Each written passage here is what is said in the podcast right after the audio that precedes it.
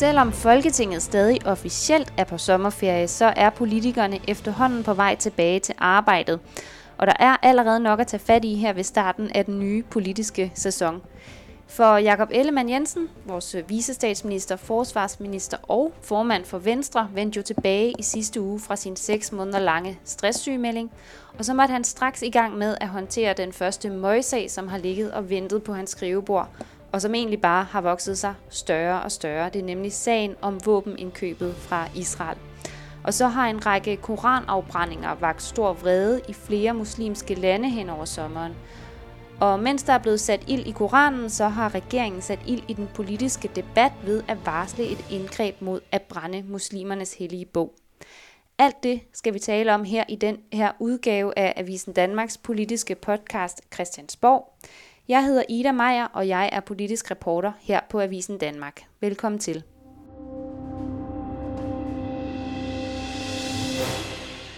Og også velkommen til dig, Kasper Dahl. Du er jo politisk øh, redaktør her på Avisen Danmark. Mm-hmm. Er du, øh, er du klar på at, at give os et overblik over den her noget øh, komplicerede sag om øh, et, et, et, et israelsk øh, våbenindkøb? Tusind tak for tilliden, at ja. du, øh, du tiltror mig det, at jeg kan give et overblik over øh, den såkaldte Elbit-sag. Altså, øhm, i går der fik vi jo indblik i de øh, interne redegørelser, som er øh, foretaget både fra Forsvarsministeriets departement og fra en af Forsvarsministeriets styrelser om, hvordan det kunne være, at der til synligheden har været så mange forkerte oplysninger fra Jakob Ellemann i den her sag. Det er jo øh, Altinget, netmediet Altinget, der har øh, været i spidsen for afsløringerne af, at, øh, at Jakob Ellemann helt overordnet har givet en lang række forkerte informationer til Folketinget i forbindelse med, at øh, Øh, man skulle have haste gennemført en, øh, en bestilling på et israelske øh, våbensystem øh, tilbage i, øh, i vinteren. Og øh, der har vi jo ventet på den her redegørelse, den kom i går, og man må bare sige, at, at Jacob Ellemann, han øh, lagde sig øh, fladt ned, han øh, undskyldte for at have givet de her øh, urigtige oplysninger, og han øh, øh, annoncerede jo så, at øh, han gerne vil have en uvildig undersøgelse af øh, det her forløb. Altså, hvordan kunne det være, at der kom så fejlagtige oplysninger frem til ham, som den øverste politiske ansvarlige fra, øh, fra det system, han, øh, han står i spidsen for? Ja, der er mange steder at starte efter det her pressemøde, men men hvordan blev det sådan øh, grundlæggende taget imod fra de andre partier? Altså har, øh, har de ligesom øh, accepteret eller anerkendt hans øh, forklaring og undskyldning? Jamen, det er jo en, en lidt sjov situation, vi står i, fordi det er jo første gang, at vi har en minister fra den her øh, nye flertalsregering, som er øh, ude i tårne og, øh, og hænge, og så er det jo selvfølgelig øh, ekstra paradoxalt, at det er et medlem af regeringsledelsen og en partiformand, der, der står derude og er, er helt groggy i det ringhjørne. Men man må jo bare sige, at hans position er jo på ingen måde på spil. Altså det er jo ikke sådan, at, øh, at Jacob Ellemann øh, er i far for at blive væltet som øh, forsvarsminister. Det tænker jeg alligevel, at, at Mette Frederiksen og Lars Løkke Rasmussen, de ikke er, øh, er der, hvor det er, de synes, at der skal stemmes for et, øh, et mistillidserklæring til, til Jacob Ellemann, der han beskyttet af flertalsregeringen. Og det betyder jo, at de andre partier jo ikke har det sådan ultimative våben at rasle med, nemlig det, at de kan trække støtten til ministeren. Men man må jo også bare sige, at det virker til, at øh, Ellemann selv har et behov for at blive øh, renset yderligere i den her sag, og på den måde er han jo hoppet med på den kritik, den forventede og forudsigelige kritik, der er kommet fra både blå øh, og røde partier, nemlig at de takker for, for redegørelsen, men at de er nødt til at komme til bunds i det her, og at der er en utrolig stor bekymring hos øh, mange af de her partier over, at de altså lige før sommerferien var med til at lave et øh, stort, stort 10-årigt øh, forsvarsforlig, hvor der skal hældes øh, mere end 140 milliarder hen over årene i Forsvarsministeriet, og at man så i ministeriet ikke er i stand til at holde styr på helt almindelige øh, faktuelle oplysninger og sørge for, at det er de oplysninger, der kommer videre øh, til ministeren. Og det er jo i virkeligheden det, der sådan er den, den den helt store kerne her i forhold til politikerne, det er, at der er altså et system, som både viste ved det kasseeftersyn, der blev øh, annonceret øh, af Morten Bødskov og præsenteret af øh, Truls Lund Poulsen før sommerferien, og nu med de her oplysninger omkring, hvordan øh, man har været ude og skulle investere i det nye israelske våbensystem, at der simpelthen ikke er en tillid mellem politikerne ej heller forsvarsministeren, og så det system, som de sidder og skal forsøge at prøve at lede efter bedste evne som politikere. Og det er altså bare en kæmpe udfordring, når øh, der skal laves politiske aftaler, øh, når der øh, skal ledes i, i hverdagen over i Forsvarsministeriet, at den her tillid mellem embedsværket, styrelserne, forsvaret og det politiske niveau er så ringe, som det er på, på nuværende tidspunkt. Ja, og på trods af det, så, øh, så siger Jakob Ellemann jo øh, efter det her pressemøde, at han har haft øh, samtaler med sin departementchef og, og, og, og styrelseschef osv. Men udover det, så ligger han jo egentlig ikke rigtig op til at, at, at drage nogle øh, konsekvenser, i hvert fald ikke lige her i første omgang. Kan han blive nødt til det på sigt? Ja, det kan han jo, og jeg forstår sådan set godt, at, øh, at Jacob Ellemann måske ikke lige gør det her efter øh, den første omgang af, af redegørelser, fordi det er trods alt nogle interne redegørelser, hvor dem, der har selv har øh, øh begået brøden, har skulle forsøge at forklare, hvordan det dog kunne, øh, kunne ske. Så øh, når Ellemann øh, får den her uvildige redegørelse af forløbet, der har jeg en klar forventning om, at der vil være en eller anden form for konsekvens for nogle personer i øh, forsvarssystemet det vil være øh, nødvendigt for Ellemann at træde rigtigt i karakter, rigtig komme tilbage og sætte sig for alvor i stolen som forsvarsminister og forsøge at prøve at stå i spidsen for en eller anden form for oprydning og også en form for stram styring, så der kan blive øh, skabt noget ny tillid mellem det politiske niveau og øh, selve systemet, der skal i gang med at bruge og forvalte de her mange, mange milliarder, der er han nødt til på en eller anden måde at levere et eller andet form for, øh, for offer, og også for at kunne sende et signal ud i systemet om, at man simpelthen ikke vil tolerere det her fra det øverste politiske niveau. Om det så er i departementet, der øh, kommer til at rulle hoveder, eller om det er i forsvaret, der kommer til at rulle hoveder, eller hvor pokker det nu måtte øh, være han af, det må tiden ligesom vise, men, men Ellemann hvis han ikke blot vil være endnu en forsvarsminister, der øh, bliver kastet ud øh, under bussen af, af forsvaret ganske, ganske mange gange og skal stå og, og rode rundt med alle mulige dårlige sager, fordi det har forsvarsminister jo altså haft en tendens til gennem tiden, jamen så er han nødt til at, øh, at træde i karakter, det kan han blandt andet gøre, når øh, det, det burde den her uvildige øh, undersøgelse kunne give ham muligheden for, og så bliver det ganske interessant at se, om, øh, om forsvaret kommer til at og øh, makke ret og gå ind i øh, gelederne og, øh, og lytte til det politiske niveau, eller om de stadigvæk kommer til at være en eller anden art øh, stat i staten, og, og hvor det hele bare sådan mere eller mindre sejler rundt. Det er i hvert fald det indtryk, man, mm. man har efter de mange forskellige undersøgelser, der er kommet af forsvaret det seneste stykke tid. Som du selv er inde på, så, øh, så blev øh, et bredt flertal i Folketinget jo enige om det her forsvarsforlig til over 140 milliarder, altså mm. måske, jeg ved ikke, om det er nærmest er den største politiske, dyreste politiske aftale nogensinde, øhm, før sommerferien her, og, øh, og, og nu skal de penge jo så øh, på en eller anden måde øh, bruges. Øh, bliver, bliver de øh, forhandlinger om, hvordan de her penge skal udmyndtes sværere?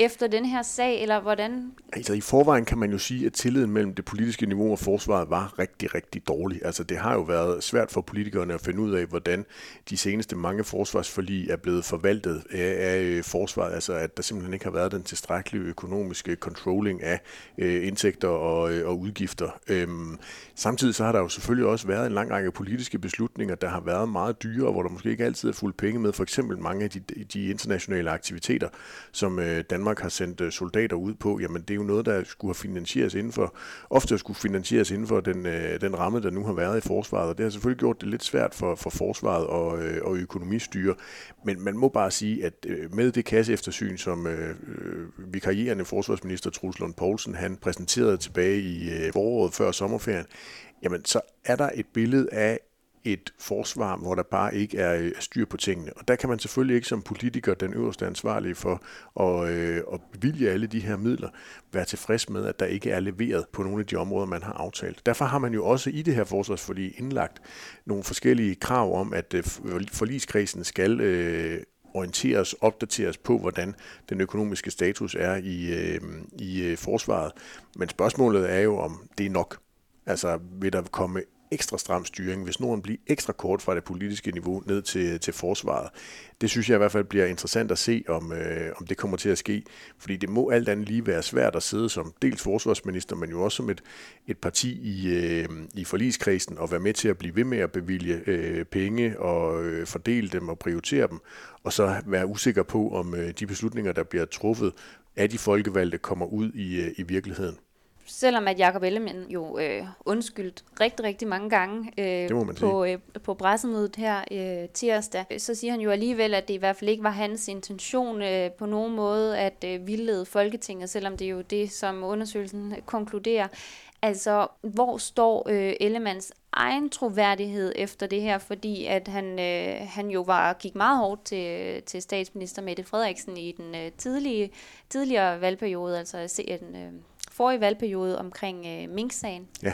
hvor han jo mente, at hun simpelthen taget ansvaret af på sine embedsmænd for den fejl, der var blevet begået. Altså, vi, vi har fundet det her eksempel, hvor han siger... Øh, øh, hvor han skriver øh, i et indlæg om, øh, kan man virkelig slippe afsted med at tørre ansvaret af på sine embedsmænd, når man har det politiske ansvar, og når man sad for bordenden, da beslutningen blev truffet. Mm-hmm. Er det ikke lige præcis det, der er sket for Jakob Ellemann? Altså, han har jo. siddet for bordenden, da den her beslutning er blevet er truffet. Jo, og derfor kan man jo også nemt øh, begynde at råbe hygler efter øh, Jakob Ellemann, hvis det var det, man havde en, øh, en interesse i. Og det synes jeg selvfølgelig øh, mærkeligt, øh, ud, at øh, han nu øh, til synligheden er i gang med at forsøge at tørre noget af på, øh, på embedsværket. Han er jo så omvendt, altså øh, en del af en flertalsregering. Der er ikke noget flertal for at, øh, at vælte ham. Det vil sige, der er jo embedsværket, der, øh, der kommer til at stå med, med lorten i det her tilfælde. Det er jo så også der, den er øh, sket. Altså det er hos embedsværket, at fejlen er sket. Det er ikke Jacob Ellemann, der har forsøgt at haste eller presse noget igennem. Han har ikke givet en ordre om, at det her israelske våbensystem partout skulle købes, og så var det lige meget med, om man var ude og indhente tilbud fra nogle andre øh, leverandører, eller at det israelske firma øh, Elbit har fået særlige øh, gunstige vilkår eller særlig gunstig øh, pleje af det danske forsvar. Det er ikke Ellemann, der har, øh, har trumfet det igennem. Der er det informationer, øh, i hvert fald når man, må man forstå på redegørelserne, informationer, han har videregivet fra sit øh, embedsværk, hvor der jo også er et embedsværk, der rent faktisk tager ansvaret for, at de simpelthen har, øh, har kloppet rundt i det. Så, øh, så jo, Ellemann, han, øh, han kommer til at stå og, øh, og gøre det samme, som han skosede Mette Frederiksen for.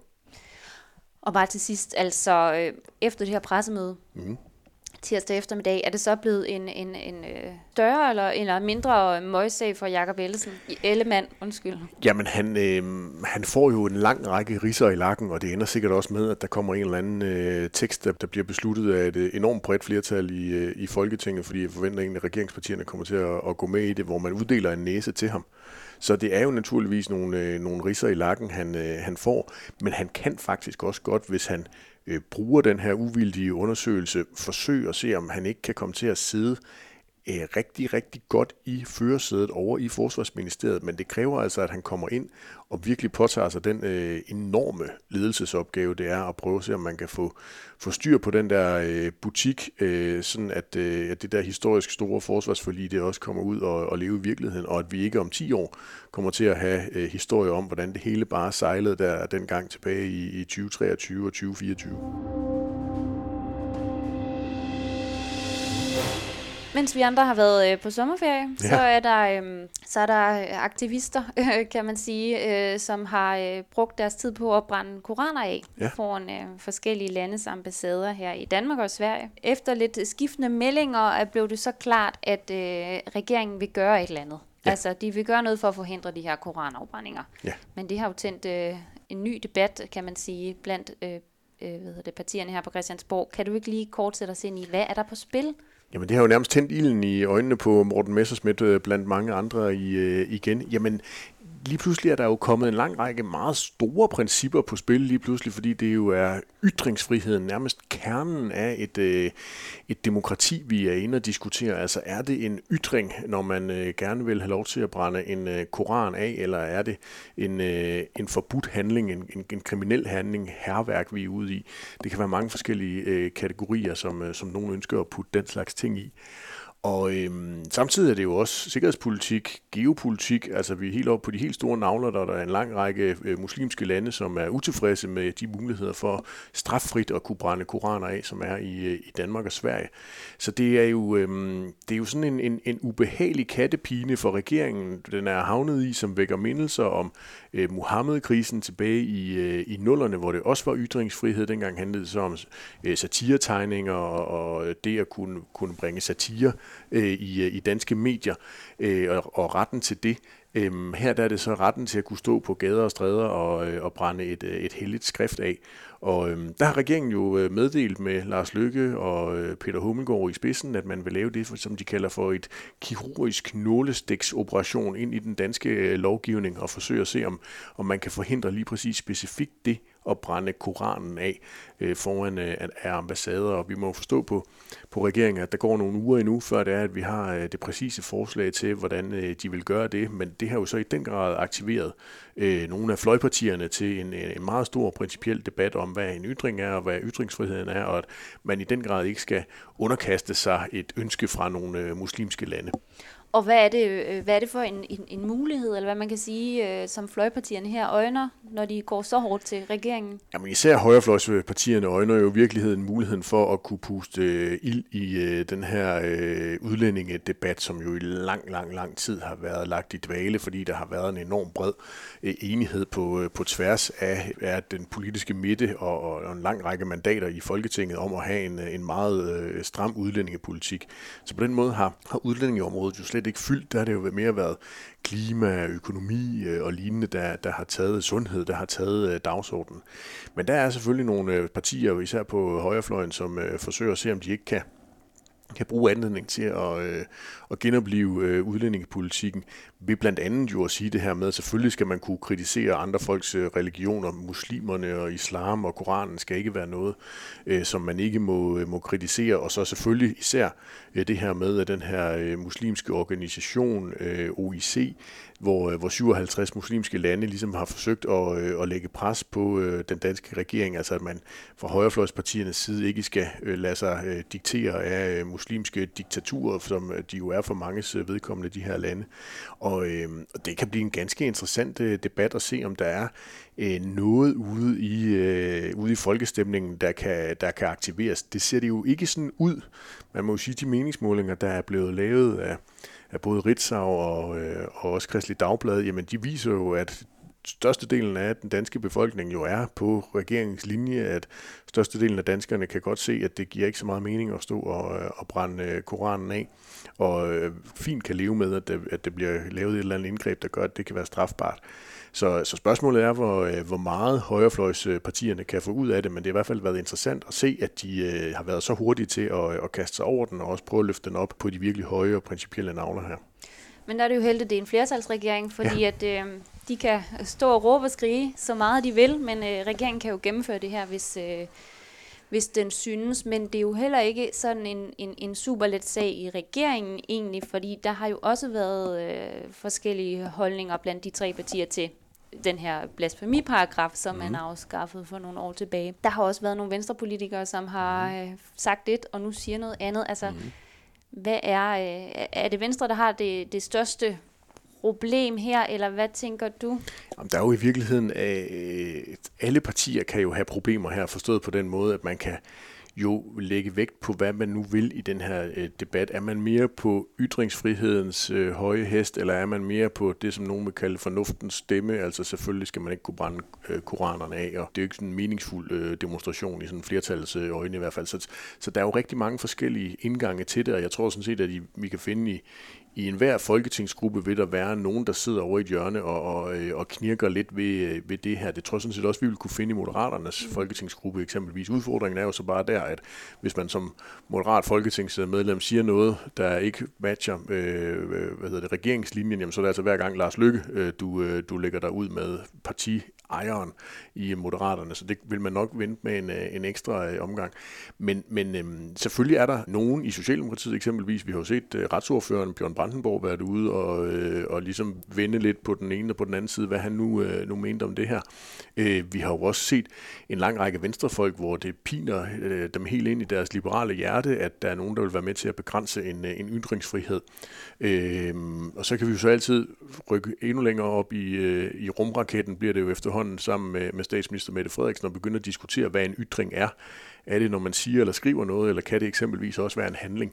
Så det kan jo ende med at blive nogle ret store og lange filosofiske øh, diskussioner, der kan komme.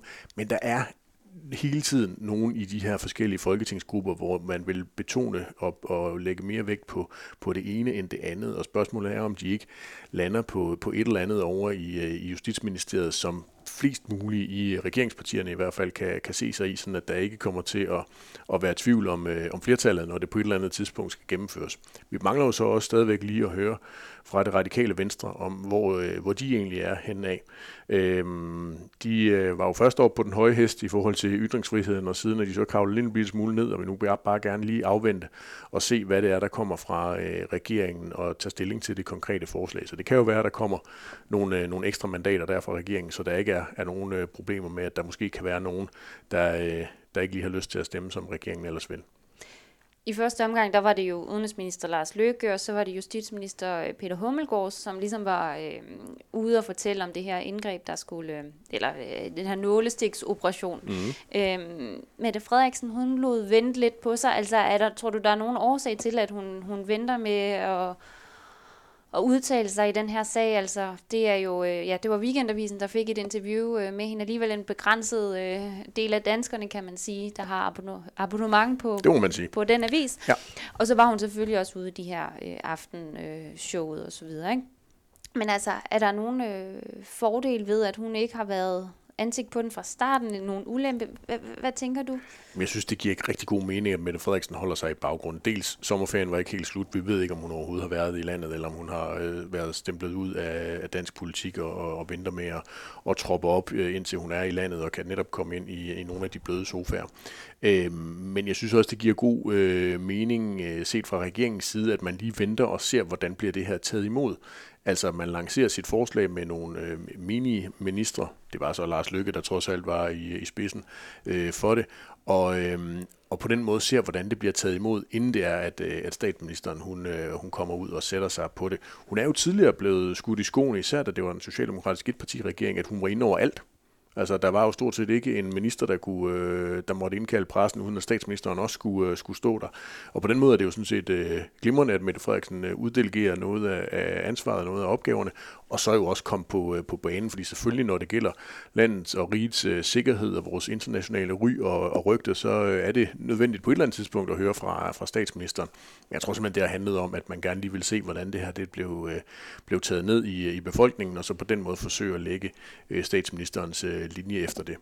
Regeringen har jo givet sig selv en, øh, nogle uger indtil, at øh, der skal komme et, et, et, et bud på, hvad man kan gøre ved det, men altså kan det ikke være, altså kan ilden ikke være slukket? Øh, altså kan der ikke, kan, kan, kan det stadig, er det stadig relevant, tror du? Altså, det afhænger jo af, hvilket formål det er, det her det, det tjener. Der er selvfølgelig den, den konkrete opgave med, at man gerne vil, vil give muligheden for, til politiet for at kunne stoppe de koranafbrændinger, men det her det handler jo i, i lige så høj grad om det signal, man gerne vil sende ud i den store verden. Altså at vi i Danmark ikke har øh, den her mulighed for at kunne øh, stå og brænde øh, Koranen øh, af, og at øh, danske virksomheder ude om i den store verden heller ikke behøver at være bekymret for, at de kan blive boykottet eller bandlyst eller lignende øh, i, i de lande, hvor de opererer i. Så der er jo mange forskellige niveauer på, på det her, og, og øh, jeg tror i virkeligheden, at at når øh, regeringen har fremlagt sit, øh, sit udspil, så tror jeg, at vi vil komme til at se noget, der kommer til at gå ganske hurtigt igennem i, øh, i Folketinget, fordi man gerne vil have lagt låg øh, på den her sag så hurtigt som overhovedet muligt. Det er ikke noget, som regeringspartierne har ønsket, og det er heller ikke en sag og en dagsorden, de kommer til at vinde utrolig mange vælgere ved. Så de har øh, alt muligt planlagt, de gerne vil ud og prøve at komme ud over stepperne med op mod Folketingets øh, åbning. Og, øh, og der skal det her meget gerne være stoppet øh, inden, sådan at man kan komme videre. Og her til sidst, Kasper, så vil jeg gerne lige høre dig, hvad, hvad glæder du dig egentlig til her den næste stykke tid? For det er jo ved at være sæson for sommergruppemøder og, og så videre. Hvad, hvad, hvad Jamen, altså, man må jo sige, at hverdagen melder sig ganske hurtigt i, i dansk politik, især når man så kan, kan begynde med koranafbrændinger og interne redegørelser fra øh, Forsvarsministeriet. Men ellers er der jo øh, planlagt en lang række øh, sommergruppemøder. I den her uge der er det Danmarksdemokraterne, der lægger ud. Du skal sandsynligvis snakke med Inger Støjberg i løbet af de næste par dage. Jeg har skrevet lidt analyse, som man kan finde på avisen Danmark.dk. Og ellers så kommer de jo simpelthen bare sommergruppemøderne som perler på en snor de næste par uger det er man nødt til, når der er 12 partier i, i Folketinget, så er der ikke ret mange dage at vælge imellem, når det hele det skal klares i, i august.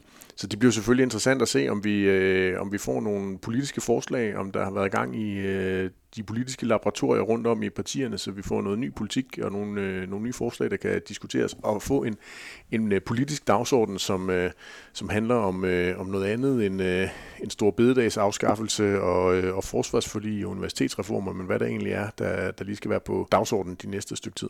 Men er der alligevel nogle af, af de her sommergruppemøder, som du glæder dig lidt mere til end andre? Jamen, jeg glæder mig naturligvis til at se, hvordan øh, Venstre har fået tilrettelagt deres sommergruppemøde, som er i, i slutningen af næste uge, øh, hvor, hvor de inviterer øh, hele verdenspressen til Himmerland, og hvor Jakob Ellemann jo for første gang skal præsenteres som øh, Venstres formand, og om han har øh, noget, øh, nogle nye meldinger øh, med der, altså første gang efter hans, øh, hans stresssygemelding. Så det, det, det sommergruppemøde vil alt andet lige, lige få lidt mere fokus end, øh, end nogle af de mange andre sommergruppemøder, der er. Det var, øh, det var alt for øh, Avisen Danmarks politiske podcast Christiansborg. I kan finde podcasten her alle de steder, som øh, I normalt lytter til podcast. Tak fordi I lyttede med.